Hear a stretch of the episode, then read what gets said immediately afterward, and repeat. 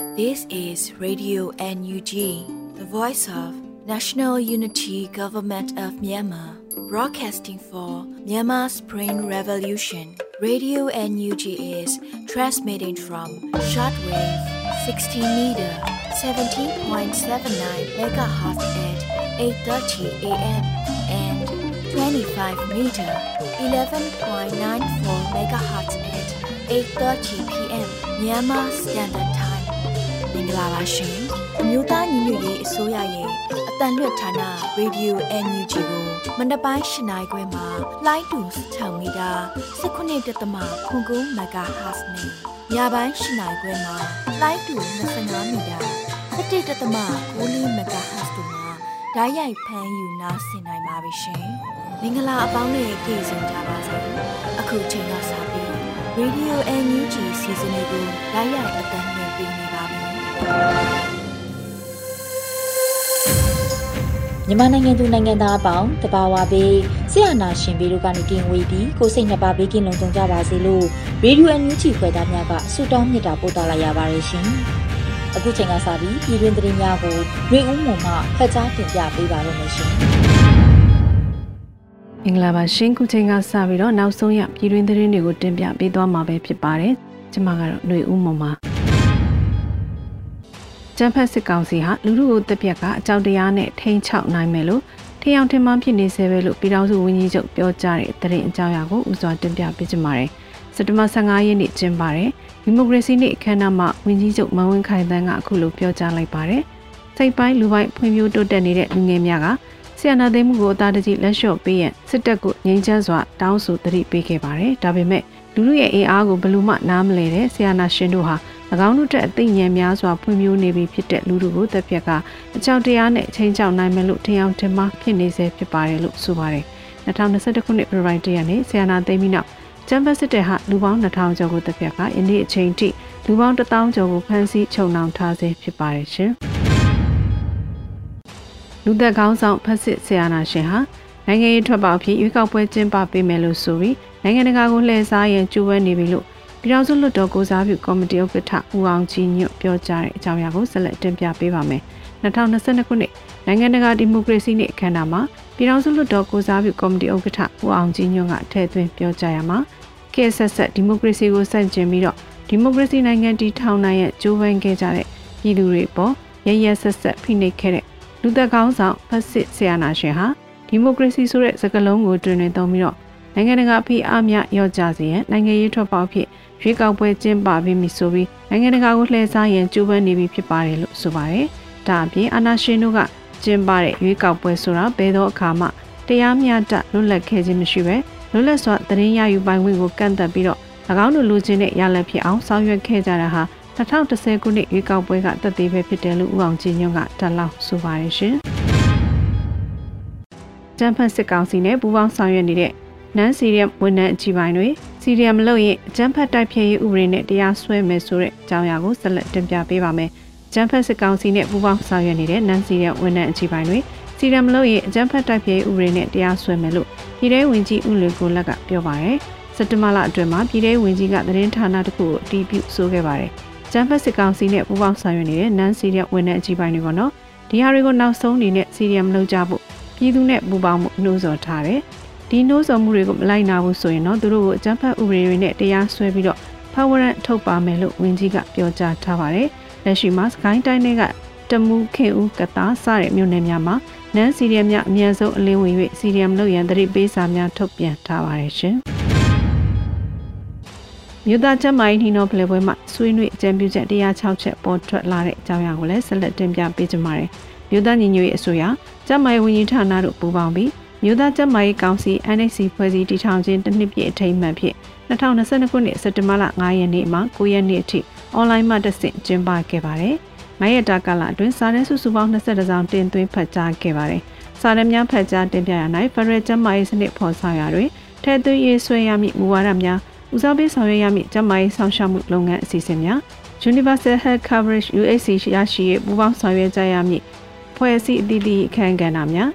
ကျေးလက်ဒေသများနှင့်ဝေးလံခက်ခဲဒေသများပါမကျန်တနိုင်ငံလုံးဖြန့်ချက်ဆောင်ရွက်နိုင်မည့်ပြည်သူ့ကျန်းမာရေးစနစ်ထူထောင်မည့်အစီအစဉ်များကျန်းမာရေးဝန်ထမ်းများအခြားသောဝန်ထမ်းများနှင့်လုံသမားများအတွက်လုံခွင်ပေးရတဲ့ကင်းရှိရတဲ့ကာကွယ်ပေးရေးစီစဉ်များနဲ့ခန်းစားခွင့်များအတွက်ရေးဆွဲထားရှိရမယ့်လုပ်ငန်းစဉ်များနဲ့ပတ်သက်တဲ့ဆွေးနွေးအကြံပြုချက်106ချက်ပေါ်ထွက်ခဲ့ပါတယ်။ငါရဲ့တာနှီနောဖလှယ်ပွဲသို့ပြည်ထောင်စုလွှတ်တော်ကိုစားပြုကော်မတီ CRPH မြို့သားညီညွတ်ရေးအတိုင်းအမြံကောင်စီ NUCC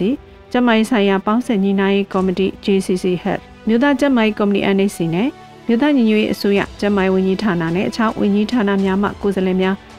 တိုင်းသားကျမိုင်းဖွဲ့စည်းများမှကိုယ်စားလှယ်များပြည်ရင်းပြည်ပအဖွဲ့အစည်းများမှကိုယ်စားလှယ်များဆေးနဲ့ဆေးနှီးနွယ်ចောင်းသူចောင်းသားများကျမရေးပညာရှင်များနဲ့အခြားဖိတ်ကြားထားတဲ့ဧည့်သည်တော်များတက်ရောက်ဆွေးနွေးခဲ့ကြပြီးနေ့စဉ်ပြန်မျှတက်ရောက်သူ160ဦးခန့်ရှိခဲ့ပါတယ်ရှင်။ကမ်လူမြို့နယ်ကိုရောင်မှုတိုင်နဲ့ ချက်ကုန်းကျေးရွာကိုဒီကနေ့မနက်စစ်ကောင်စီတပ်များတနက်များပြစ်ဖောက်ဝင်ရောက်ပြီးမွေးနောက်တောင်းချက်တဲ့တရင်ကိုတင်ပြပေးပါောင်းမယ်။စကိုင်းတိုင်းကမ်လူမြို့နယ်ကိုရောင်မှုတိုင်နဲ့ချက်ကုန်းကျေးရွာကိုဒီကနေ့မနက်စစ်ကောင်စီတပ်တွေကတနက်များပြစ်ဖောက်ဝင်ရောက်ပြီးမွေးနောက်တောင်းချမ်းခဲ့တယ်လို့သတင်းရရှိပါတယ်။စက်တဘာ16ရက်နေ့မနက်6နာရီမိနစ်30ခန့်အချိန်မှာစစ်ကောင်စီတပ်တွေဟာဇီကနာအုပ်စုချက်ကုန်းကျေးရွာကိုဝင်ရောက်ခဲ့ခြင်းဖြစ်တယ်လို့ကိုရောင်မှုတော်လိုင်းအင်အားစုကဆိုပါတယ်။မင်းညကဗတ်ဆက်တောင်မော်တွင်ပြာပုံဝတ်ခဲ့သောစစ်ကောင်စီများ ဒီကနေ့မနက်မှာတန်လန်းအနောက်ဘက်မှာရှိတဲ့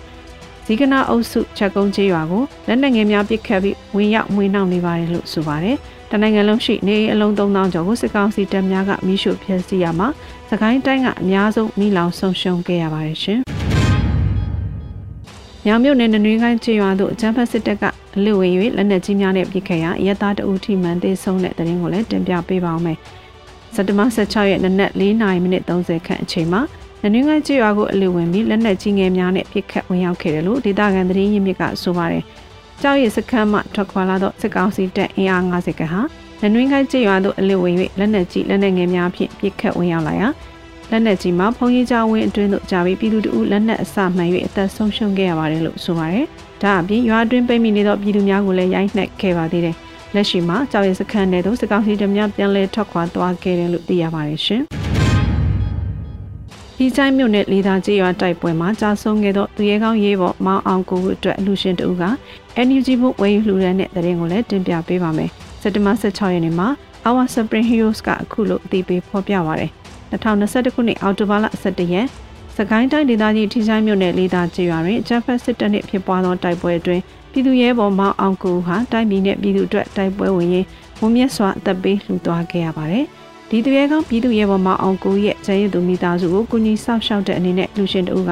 တို့ຫນွေဦးသူရဲကောင်းအတွက်ငွေတိုင်းစာချုပ်အောင်ဝယ်ယူပြီးလှူဒန်းပေးအပ်ဂုဏ်ပြုလိုက်ပါတယ်လို့ဆိုပါတယ်။ပြည်သူများအနေနဲ့ຫນွေဦးသူရဲကောင်းများအားရည်စူးပြီးသူတို့ရဲ့ကျန်ရည်သူမိသားစုအတွက်တို့ຫນွေဦးသူရဲကောင်းအတွက်ငွေတိုင်းစာချုပ်တွေကိုဆက်သွယ်ဝယ်ယူလှူဒန်းပေးနိုင်ပြီဖြစ်ပါတယ်ရှင်။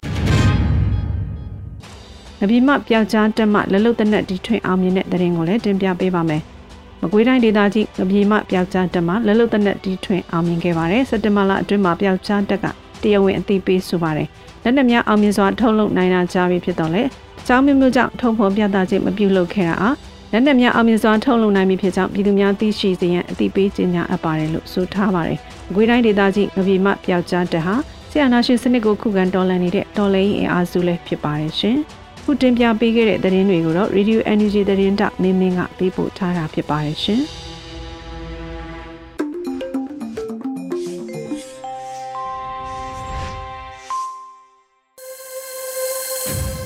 ရေဒီယိုအန်ယူဂျီမှာဆက်လက်တင်ပြနေပါတယ်။ဒီနေ့ရဲ့တော်လှန်ရေးကြပြအစီအစဉ်မှာတော့စစ်ပွဲလို့အမည်ရတဲ့တော်လှန်ရေးကြပြကို KOC ရေးသားပြီးရွေးဦးမိုးမှခန်းစားရွတ်ဖတ်ထားတာကိုနားဆင်ကြရတော့မှာဖြစ်ပါတယ်ရှင်။ စစ်ပွဲစိတ်ကိုအရင်ဆုံးကြည်ထိုးစင်ကျင်တုံတရားဟာခလုတ်ပဲသူ့လဲကိုမသိကို့လဲသူမမြင်ဘူးအမုန်းတရားလည်းမရှိပဲတတိုင်းတိုင်းကြွေပေးရတယ်ငိမ့်ချမ်းရေးစကားပြောကြဖို့တနတ်တွေအရင်ဖောက်ကြတယ်စကားတခွန်းအတွက်ဘယ်နှယောက်ကြေးလဲစုတစိမ့်နဲ့အသက်အလဲအထက်လောက်ကြရင် နောက်ဆုံးဓာတ်ပုံဘေးမှာအသက်မဲ့စုတစိတ်တွေဘယ်သူစတီထွင်လိုက်တဲ့ကစားနည်းလဲကလေးတွေစော့လို့မရဘူးလူကြီးအစ်စ်တွေပဲပွဲကြည့်နေကြ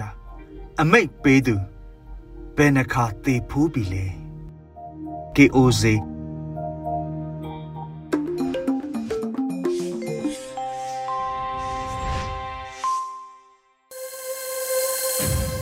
ဗီဒီယိုညူချီပရိသတ်တွေအတွက်ကူးဆက်လက်ပြီးထုတ်လွှင့်ပေးမယ့်အစီအစဉ်ကတော့နိုင်ငံရေးအကျဉ်းသားကျင်းသူများမဟာမိတ်တပေါင်းစုမှပေးပို့တဲ့အိတ်ဖွင့်ပေးစာကိုနားဆင်ကြရတော့မှာဖြစ်ပါတယ်ရှင်။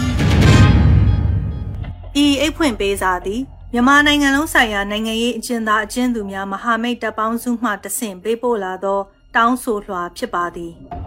2022ခုနှစ်စက်တင်ဘာလတွင်ကျင်းပသည့်ကုလသမဂ္ဂ၏89ကြိမ်မြောက်အထွေထွေညီလာခံတွင် ကျွန်ုပ်တို့မြန်မာပြည်သူတရက်လုံး၏ဒီမိုကရေစီနှင့်လူ့အခွင့်အရေးများအတွက်ရဲဝံ့စွာယက်တီပေးသောကုလသမဂ္ဂဆိုင်ရာမြန်မာအမြဲတမ်းကိုယ်စားလှယ်တာမတ်ကြီးဦးကျော်မိုးထွန်းကိုသာဆက်လက်တက်ရောက်ခွင့်ပြုရန်ရည်ရွယ်ပါသည်ယခုလက်ရှိမြန်မာနိုင်ငံတွင်အကြမ်းဖက်စစ်ကောင်စီသည်လက်နက်အားကိုဖြင့်အဓမ္မအာဏာလူယူကာစစ်ရာဇဝတ်မှုမျိုးစုံကိုကျူးလွန်နေကြောင်းမြမပြည်သူလူထု၏အသက်အိုးအိမ်စီးစိမ်တို့မှလည်း အကြမ်းဖက်တပ်ဖြတ်ဖျက်ဆီးခံနေရကြောင်း၎င်းအကြမ်းဖက်ဖိနှိပ်မှုများကြားမှပြည်သူတရက်လုံးသည်အကြမ်းဖက်စစ်အုပ်စုအားပုံစံမျိုးစုံဖြင့်ဆန့်ကျင်သောပြည်သူတော်လှန်ရေးကြီးကိုအင်တိုက်အားတိုက်ဆင်နွှဲနေကြကြောင်းဒီမိုကရေစီလိုလားသောမြန်မာပြည်သူလူထုနှင့်အတူကုလသမဂ္ဂအနေဖြင့်လည်းပြက်ပြက်သားသားရက်တီပေးစေလိုကြောင်းမြန်မာနိုင်ငံတဝန်းရှိစစ်ဘေးဒုက္ခသည်များအပေါ်ထိရောက်သောကူညီဆောင်ရှောက်မှုပေးစေလိုကြောင်း မြန်မာစစ်ကောင်စီအားအကြမ်းဖက်အဖွဲ့အဖြစ်တိကျပြတ်သားစွာသတ်မှတ်လှုံ့ဆော်စေလိုကြောင်းရေးသားတောင်းဆိုထားခြင်းဖြစ်ပါသည်ထို့ကြောင့်ကုလသမဂ္ဂအနေနှင့်လူသားချင်းစာနာမှုပြုသောအဖြစ်မြန်မာစစ်ကောင်စီမှဆေးလွှတ်သောကိုယ်စားလှယ်နှင့်တကွ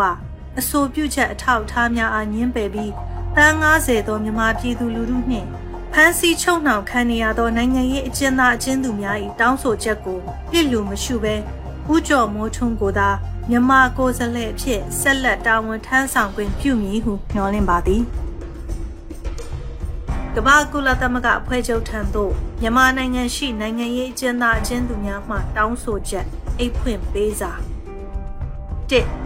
ကမ္ဘာကုလသမဂ္ဂအနေဖြင့်စစ်ကောင်စီအားမြန်မာနိုင်ငံ၏အစိုးရအဖြစ်မတတ်မှတ်ဘဲအကြမ်းဖက်အဖွဲ့အဖြစ်ပြက်ပြက်သားသားသုံးနှုံပြောဆိုဆက်ဆံပေးရန်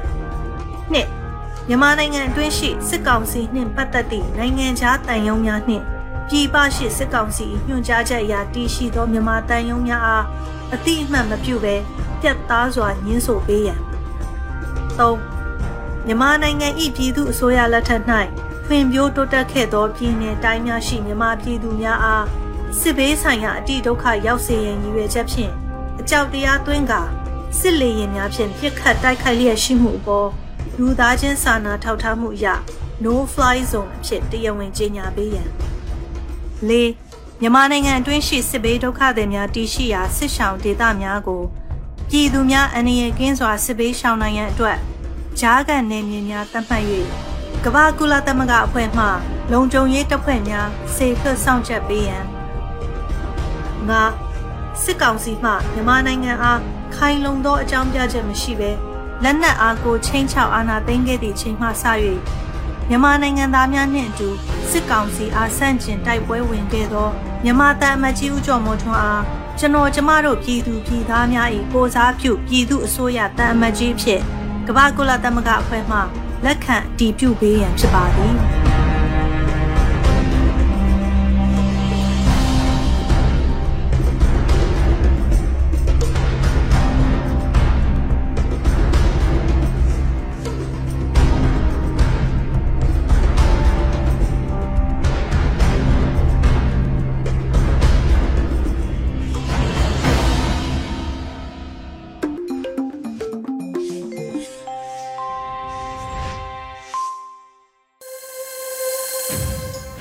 ရေဒီယိုညူချီမှာဆက်လက်တင်ပြနေပါတယ်။အခုဆက်လက်ပြီးတော်လှန်ရေးဆောင်းပါးအနေနဲ့ CDN တို့ရဲ့အတန်းနဲ့အာမန်အပိုင်း19ကိုမိုးခရေးသားပြီးစောတဲလူနေဖက်ကြားတင်ပြထားတာကိုနားဆင်ကြရတော့မှာဖြစ်ပါတယ်ရှင်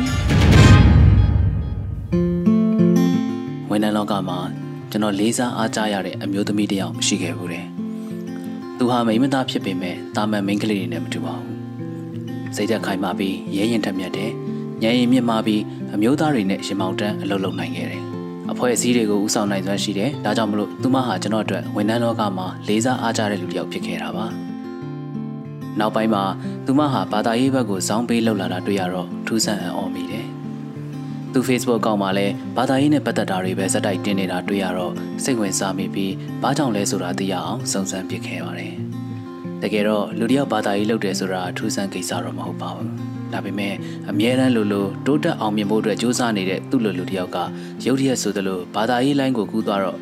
ဘယ်အရာတွေကသူ့ကိုတာဝန်ကရသွားစေတယ်လဲဆိုပြီးစိတ်ဝင်စားခဲ့တာပါ။စုံစမ်းကြည့်လိုက်တော့ထင်တဲ့အတိုင်းပါပဲ။သူမဟာအကြီးစားခွဲစိတ်မှုတစ်ခုလုပ်ခဲ့ရတယ်ဆိုတာသိခဲ့ရတယ်။အကြောင်းကိုသိလဲရတော့သူ့အတွက်ဝမ်းသာသွားမိတယ်။ဘာဖြစ်လို့လဲဆိုတော့ယာဒူးစည်းစိမ်ငွေကြေးအောင်မြင်မှုတွေဆိုတာဘယ်အရာမှမမြဲတယ်လို့တစ်ချိန်မှအားလုံးထားခဲ့ရမယ်ဆိုတဲ့အသည့်စောစောစီစီသူသိသွားလို့ဖြစ်ပါတယ်။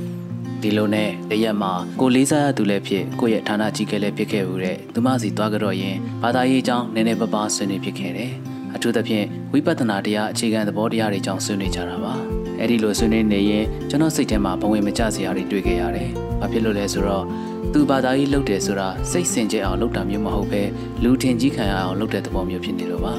သူစကားထဲမှာဘာတွေပါလဲဆိုတော့သူသမိုင်းမှာလုံးသမျှအောင်မြင်တယ်မလုံနိုင်ဘူးဆိုတာမရှိခဲ့ဘူး ဒါကြောင့်ဝိပဿနာတရားကိုလည်းအောင်မြင်အောင်အားထုတ်ပြီးလူတွေအားကြအောင်လုပ်ပြမယ်ဆိုတာမျိုးပြောခဲ့လို့ပါ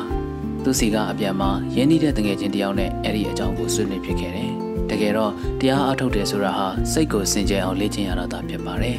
နားလည်လွယ်အောင်ပြောရရင်စိတ်ကိုဒီအတိုင်းလှုပ်မထားပဲလေ့ကျင့်ပြထောင်ရတာကိုတရားအားထုတ်တယ်လို့ခေါ်ပါတယ်။ သူကြတော့အဲ့ဒီလိုမဟုတ်ပဲငါဇဲတွေများနေသေးတော့တခုခုတော့လွဲနေပြီဆိုပြီးတငယ်ချင်းနဲ့ဆွေးနွေးဖြစ်ခဲ့တာပါ။ဒါပေမဲ့ပုဂ္ဂိုလ်ရေးတိုက်ခိုက်မှု personal attack ဖြစ်မှာဆိုလို့သူ့အကြောင်းကိုတငယ်ချင်းနဲ့သာပြောပြီးတခြားသူတွေကိုမပြောပြခဲ့ပါဘူး။ချင်းတဲ့အတိုင်းပါပဲစစ်တပ်အာဏာသိမ်းလိုက်တဲ့အချိန်မှာသူဟာဘာမှမဖြစ်တဲ့ပုံစံမျိုးနေခဲ့တယ်လို့သူ Facebook အကောင့်မှာလည်းဒေါ်လာရင်းနဲ့ပတ်သက်တာတွေဘာမှမတင်ပဲတရားကြောင်းတွေသာရေးလိုက် share လိုက်လုပ်နေခဲ့ပါတယ်။ ပုံမွေလင်းလင်းပြောရရင်ဘာသာရေးကြောင်းဆွေးနွေးပြီးကလေးကသူ့ရဲ့သဘောထားအမှန်ကိုသိလိုက်ရတဲ့အတွက်သူ့ဘော်ထင်ကြီးစိတ်တွေရောချခဲ့တာပါစစ်တပ်အာဏာသိမ်းလိုက်တဲ့အချိန်မှာဒေါ်လန်ရေးအတွက်ဘာတခွန်းမှအတံမထွက်ပဲဖျားတရားပဲလုပ်ပြနေတော့အထင်ကြီးလေးစားတဲ့စိတ်တွေမရှိတော့ပါဘူးသူ့လိုလူသိများကြော်ကြားတဲ့သူတယောက်အနေနဲ့စကားတခွန်းစာတပုတ်ရေးပြီးဒေါ်လာရေးအတွက်လှုံ့ဆော်လိုက်ရင်လူတွေအများကြီးပါလာမှာဖြစ်ပေမဲ့ယူချင်အောင်ဆောင်ပြီးဘောဆမ်မနေခဲ့ပါတယ် စစ်ကောင်စီကပေးတဲ့ယာရုတို့ကိုလက်ခံယူလိုက်တဲ့တဲ့တင်ပြန်ကြားရချိန်မှာတော့အထင်မကြီးတော့တဲ့အပြင်ဆက်ဆုပ်ရွှရှာစိတ်တွေပါဖြစ်ခဲ့ပါတယ်။တကူစားကြီးပွားချမ်းသာဖို့သာတွေ့ပြီးအများပြည်သူဘာဖြစ်ဖြစ်ဆိုတဲ့အတွေ့နဲ့လောက်ရဟာမအားလာနဲ့အတူတူမှုဖြစ်ပါတယ်။မအားလာလိုလူတွေမအားလာလို့ရက်ကိုထောက်ခံအားပေးသူတွေကိုမအားလာနဲ့တဒန်းစားတယ်ပဲလို့သတ်မှတ်ပါတယ်။ကျွန်တော်ကိုဒီချိန်မှာလူတယောက်ရဲ့တန်ဖိုးဘလို့တိုင်းတာမလဲမေးရင်ဒေါ်လာရေးမှာပါဝင်မှုဒေါ်လာရေးအတွက်အားထုတ်မှုအပေါ်မူတည်ပြီးတိုင်းတာနိုင်တယ်လို့ဖြေပါမယ်။ ဘဝနဲ့ရင်းပြီးဒေါ်လာနေကြတဲ့ CDM ဝန်ထမ်းတွေအသက်တွေနဲ့ရင်းနှီးပြီးဒေါ်လာနေကြတဲ့ UG Local PDF PDF လေးတွေလူအားငွေအားထည့်ပြီးဒေါ်လာနေကြတဲ့ပြည်သူတွေအနာဂတ်တစ်ခုလုံးရင်းနှီးထားတဲ့ CDM ကျောင်းသားလေးတွေစသဖြင့်ဒေါ်လာရေးမှာပါဝင်နေကြတဲ့ပြည်သူမဆိုလေးစားဦးညွှန်ပါတယ်ဒီလူတွေအားလုံးဟာတိုင်းပြည်နဲ့လူတန်းပေါင်းများစွာရဲ့အကျိုးစီးပွားအတွက်ဆောင်ရွက်နေကြတာမို့ဖြစ်ပါတယ်။ခက်ပြက်ကြီးထဲမှာတတိသိပ်ဖြစ်ချင်နေတဲ့ဝိသမလောဘသားတွေ ယာဒူးတိုးကိုမရှက်မကြောက်ငန်းငန်းတက်ယူခဲ့ကြတဲ့လိုချင်နေကြတဲ့နန်းစီဒီယမ်တွေအနုပညာရှင်မိခံထားတဲ့ပတ်ခွက်စားတွေဘဝတွေတက်တွေနဲ့ယဉ်ပြီးသူများတွေတော်လှန်နေကြတဲ့အချိန်မှာတော်လှန်ရေးကိုကိုယ်နဲ့မဆိုင်တယ်လို့မျိုးနေကြတဲ့ရေးပေါ်စီလူရန်စားတွေကိုထပ်မံတတိပေးချင်တာကတော့ဒီနေဦးတော်လှန်ရေးဟာအရင်အရေးခင်းနေလို့မျိုးစစ်တပ်နိုင်ပြီးပြည်သူရှုံးသွားမှလုံးဝမဟုတ်ပဲပြည်သူနိုင်ပြီးစစ်တပ်ရှုံးသွားမှသိသိကြတဲ့အကြောင်းပါပဲ။ အဲဒီလိုမျိုးပြည်သူနိုင်သွားတဲ့အခါဒေါ်လာကြီးမှာဘယ်နေရာမှမပါဝင်ခဲ့တဲ့သူတွေပြည်သူကိုသစ္စာဖောက်ခဲ့တဲ့လူတွေကိုလူငယ်တွေကဖော်ထုတ်ပြီးအပြစ်ပေးအရေးယူကြပါလိမ့်မယ်။ဒါကိုသေချာသဘောပေါက်ကြစေချင်ပါတယ်။အရင်ကလိုဟီဟီဟာဟာနဲ့မျက်နှာပြောင်တိုက်ပြီးနေလို့ရမှာမဟုတ်တော့ပါ။ဒါဟာချိန်ချောက်တာမဟုတ်ပါဘူး။ဖြစ်လာမှာတွေကိုကြိုတွေးပြီးစေတနာနဲ့တတိပေးတာဖြစ်ပါတယ်။နမူနာအနေနဲ့ယုံလေးကိုတာရကကြည့်နိုင်ပါတယ်။အချိန်မီတည်တရားရပြီးဒေါ်လာကြီးမှာပါဝင်ကြပါ။ ဒေါ်လာရင်းမှာမပါပဲလူအထင်ကြီးအောင်ဘာသာတရားတွေလုပ်ပြမနေပါနဲ့ဖရာတရားလုပ်ပြတိုင်းလူထင်ကြီးခံရတဲ့ခေတ်ဟာ2021ဖေဖော်ဝါရီလရက်နေ့မှာကုန်သွားခဲ့ပါပြီ။စာဝန်နေရေးအတွက်စီးပွားရေးလုပ်တာကိုအပြည့်အဝနားလည်ပေမဲ့ခေတ်ပြက်ကြီးတဲ့တတိဖြစ်ဖို့ထိတော့မကြိုးစားပါနဲ့။အရင်လိုပတ်စံရှိရင်လူရဝင်တဲ့ခေတ်ဟာ2021ဖေဖော်ဝါရီလရက်နေ့မှာကုန်သွားခဲ့ပါပြီ။ဒေါ်လာရေးအောင်သွားတဲ့အခါငါပတ်စံရှိတာပဲထိတ်ဆုံးမှထိုင်မယ်ဆိုပြီးလုပ်လို့မရတော့ပါဘူး။ ဂုံတိတ်ခါမရှိပဲယာဒူးနဲ့ငွေကြေးအားကိုးပြီးပါဝါပြရင်လူငယ်တွေကဝိုင်းဆဲကြပါလိမ့်မယ်လက်ခံမှမဟုတ်ပါဘူးပြည်သူဒေါ်လာရင်ကနိုင်ကိုနိုင်မှာဖြစ်တယ်နိုင်မို့တည်ကြတဲ့အချက်လက်တွေကကြာလေးပိုခိုင်းမှလာလိမ့်ပါမယ်မြေပြင်မှာပြည်သူဘက်ကအထိကိကြဆုံးများပြီးအထိနာနေတာမှန်တယ်လို့စစ်ကောင်စီဘက်ကလည်းရဲရဲပဲကြမ်းမာတော့တယ်2023အထိတောက်ခံနိုင်ဖို့တော့အင်အားမလုံလောက်တော့ပါဘူးအအတွင်းတဲ့အပြင်တဲ့မြေပြင်ခြေနေတွေအရသူတို့အင်အားကြီးနေနေတာသိကြပါတယ် ခက်ခက်ခက်ခဲတွင်းတူးနေကြတာချင်းတူပေမဲ့ပြည်သူတူးတဲ့တွင်းကရေကြီးထွက်ဖို့သိကြနေပြီးစစ်တပ်တူးတဲ့တွင်းကကိုယ်သေးတွင်ဖြစ်နေခဲ့ပါပြီပြည်သူဘက်ကူလာပြီးနောက်မျိုးဆက်သစ်တွေတောက်သုံးဖို့ရေကြီးဝိုင်းတူမလားဖက်စစ်စစ်တပ်နဲ့အတူကိုယ်သေးတွင်းကိုတူးကြမလားဆိုတာကိုယ်တိုင်ရွေးချယ်ကြရမှာဖြစ်ပါတယ်နောင်တမဦးခင်အတိဦးနိုင်ကြပါစေအရေးတော်ပုံမုတ်ချအောင်ရမည်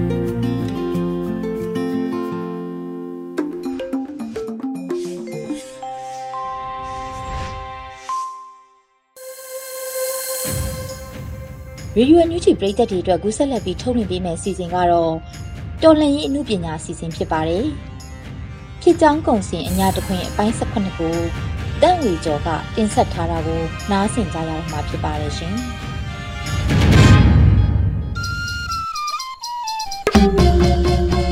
အညာတခွင်ကဖြစ်ကြောင်းကုံစင်ပြောပြရရင်အာနာရှင်တော်လည်းရင်အမြင့်ဖြုတ်ဖို့မြင်တော်လူတော်ကပြည်သူများ ညီညွတ်လို့ပင်ပတ်စစ်တော်လည်းရထပါလိမ့်မယ်တင်ဖက်ဒရယ်ပြည်အောင်စုရဲ့ရှိပြီးဖက်ဒရယ်ယူနစ်စနစ်တစ်ခုပေါ်ပေါက်လာမှဒီကံလွယ်ပင်ဖြစ်ကြောင်းကုံစင်အညာတခွင်ကျမကြရဲ့လားလို့ကျုပ်တို့ညာနေ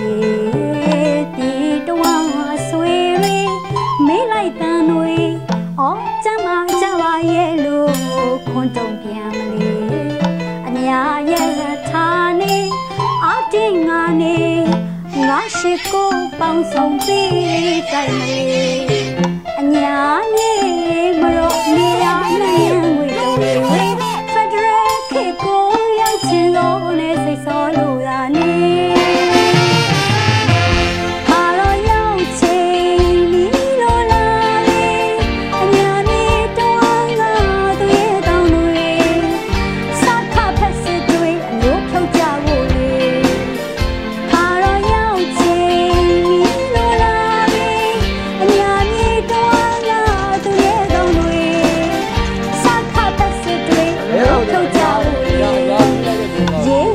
တောက်တူတော့တွန်းလာ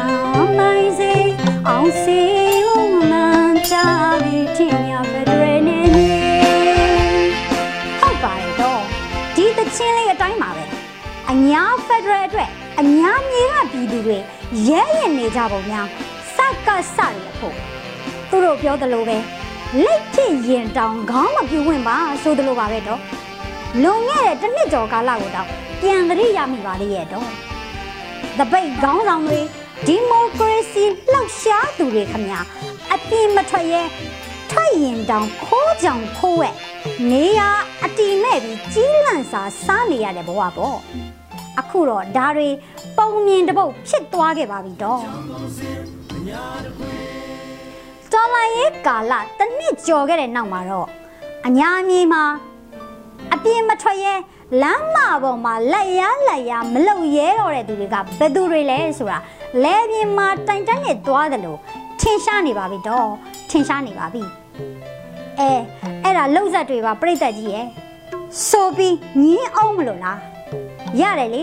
လက်တွေ့အဖြစ်ပြက်တွေကြည့်ပြီးမှပြောကြတာပေါ့အညာတစ်နယ်လုံးကိုထောင်ထဲထည့်ဖို့ဆိုတဲ့အကြံစိုးနဲ့မုံရွာမြို့နယ်တာစီရွာနာမှာအကျဉ်းထောင်ဆောက်ဖို့စ조사နေတယ် အကျဉ်းဦးစီးကအင်ဂျင်နီယာဘိုးကြီးခင်ဗျာတော့အညာ PDF တွေလက်ထဲမှာကြက်ကလေးငကလေးမိတယ်လို့ကွိကနေအဖမ်းခံလိုက်ရပါပြီတော့အမေအင်တာဗျူးတွေဖြေနေလိုက်တာများအပိုးကိုကျိုးလို့စစ်ကောင်စီတောက်တိုင်တွေခမညာသွားခြင်းတိုင်းသွားမရလာခြင်းတိုင်းလာမရတဲ့နေရာတွေအညာမြေမှာပုံများတဲ့များလာပြီဆိုတာသက်သေပြနေပါပြီတော့ဒါရင်ကယူလားမုံရွာမြို့နယ် ညောင်ပြူပင်ရွာမှာလဲစခန်းထဲကနေဘာမှမဝေးတဲ့ဈေးဘက်ကိုအရက်ဝက်နဲ့ခိုးထွက်ပြီးဈေးလာဝယ်တဲ့စကစရဲသားနှစ်ယောက်လဲ CCTV ကတ်ထားတာထက်တောင်မှသတင်းအချက်လက်အရမြန်နဲ့မုံရွာ PDF တွေလက်ချက်နဲ့ရုပ်နာနှစ်ပါးပျော်ပွဲစားထွက်သွားရရှာပါရောလားသူ့ကြီးတာလို့ဆိုတနက်နှစ်လက်တောင်ပလိုက်သေးတော့ အခုလိုဒါနပြုသမျှကြောင့်ဖြစ်လေရာဘဝစကစလက်အောက်ခံမဖြစ်ပါစေကြောင်းဆုတောင်းပေးလိုက်ပါတော့အဲနောက်တစ်ရက်မှာလဲမုံရွာဘောရီတထောင်မှာ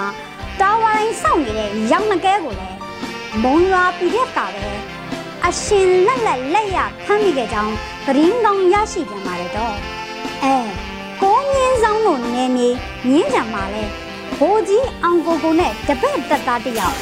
ဆိုင်ကယ်တစ်ကြီးနဲ့ဖိုးကြောင်ဖိုးဝက်စက်ကြီးကောက်ထွက်လာတာကိုသတင်းအရကြိုတင်ဆောင်ဆိုင်ပြီးပြည်သူမဟာမိတ်ပူးပေါင်းအဖွဲ့တွေကပြင်းထည့်လိုက်တာ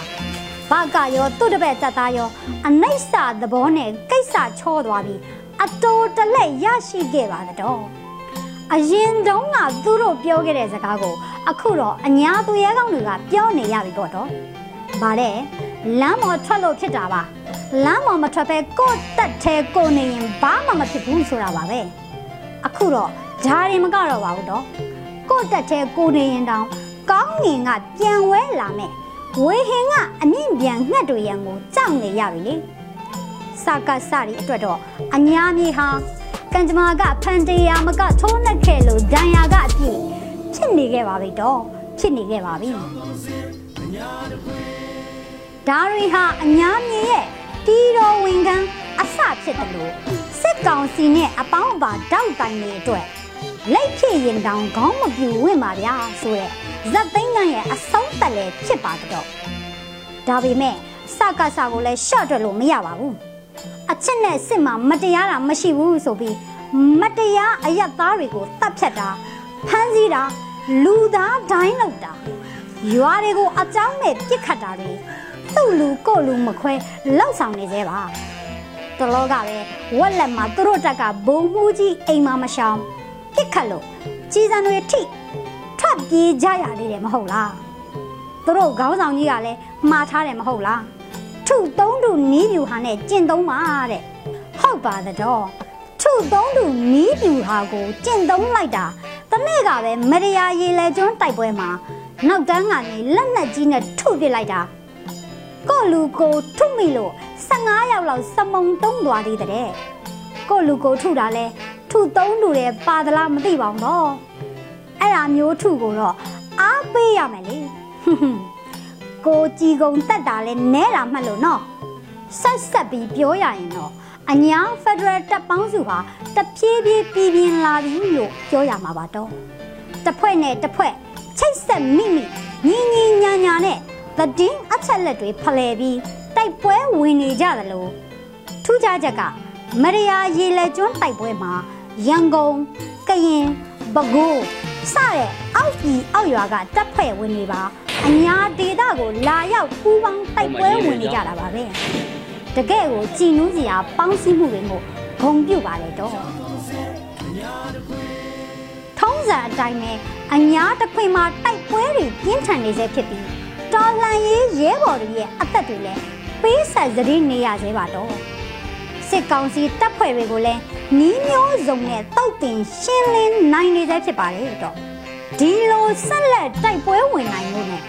အညာပြည်သူတွေမျှော်လင့်တဲ့အညာ Federal Unit တစ်ခုဖြစ် တည်ထောင်နိုင်မှုနိုင်ငံအဝန်းကပြည်သူတွေပြည်ပရောက်ပြည်သူတွေအနေနဲ့ငွေအားလူအားပူးပေါင်းပါဝင်ပေးကြပါဦးလို့ဒီနေရာကနေအကျဉ်းချင်းတိုက်တွန်းနှိုးဆော်မှုပြုလိုက်ရပါတယ်တော့။ညာဖက်ဒရယ်အောင်ရတယ်။ ကနေ့ကတော့ဒီညနေပဲ Radio NUG ရဲ့အစီအစဉ်လေးကိုခေတ္တရ延လိုက်ပါမယ်ရှင်မြန်မာစံတော်ချိန်မနေ့၈နိုင်ခွဲနဲ့ည၈နိုင်ခွဲအချိန်တွေမှာပြောင်းလဲဆိုပြကြပါလို့ရှင် Radio NUG ကိုမနေ့ပိုင်း၈နိုင်ခွဲမှာလိုင်းတူ16မီတာ19.7ခုခုမဂါဟတ်နဲ့ညပိုင်း၈နိုင်ခွဲမှာလိုင်းတူ25မီတာ17.6မဂါဟတ်တို့မှာဓာတ်ရိုက်ဖမ်းယူ နားဆင်နိုင်ပါပြီရှင်။မြန်မာနိုင်ငံသူနိုင်ငံသားများကိုစိတ်နှဖျားစမ်းမချမ်းသာလို့ဘေးကင်းလုံခြုံကြပါစေလို့ Radio NUG ရဲ့ဖွဲ့သူဖွဲ့သားများကဆုတောင်းလိုက်ရပါတယ်။ San Francisco Bay Area အခြေဆိုင်မြန်မာမိသားစုများနိုင်ငံတကာကစေတနာရှင်များလို့အားပေးကြတဲ့ Radio NUG ဖြစ်ပါတယ်ရှင်။အရေးတော်ပုံအောင်ရမည်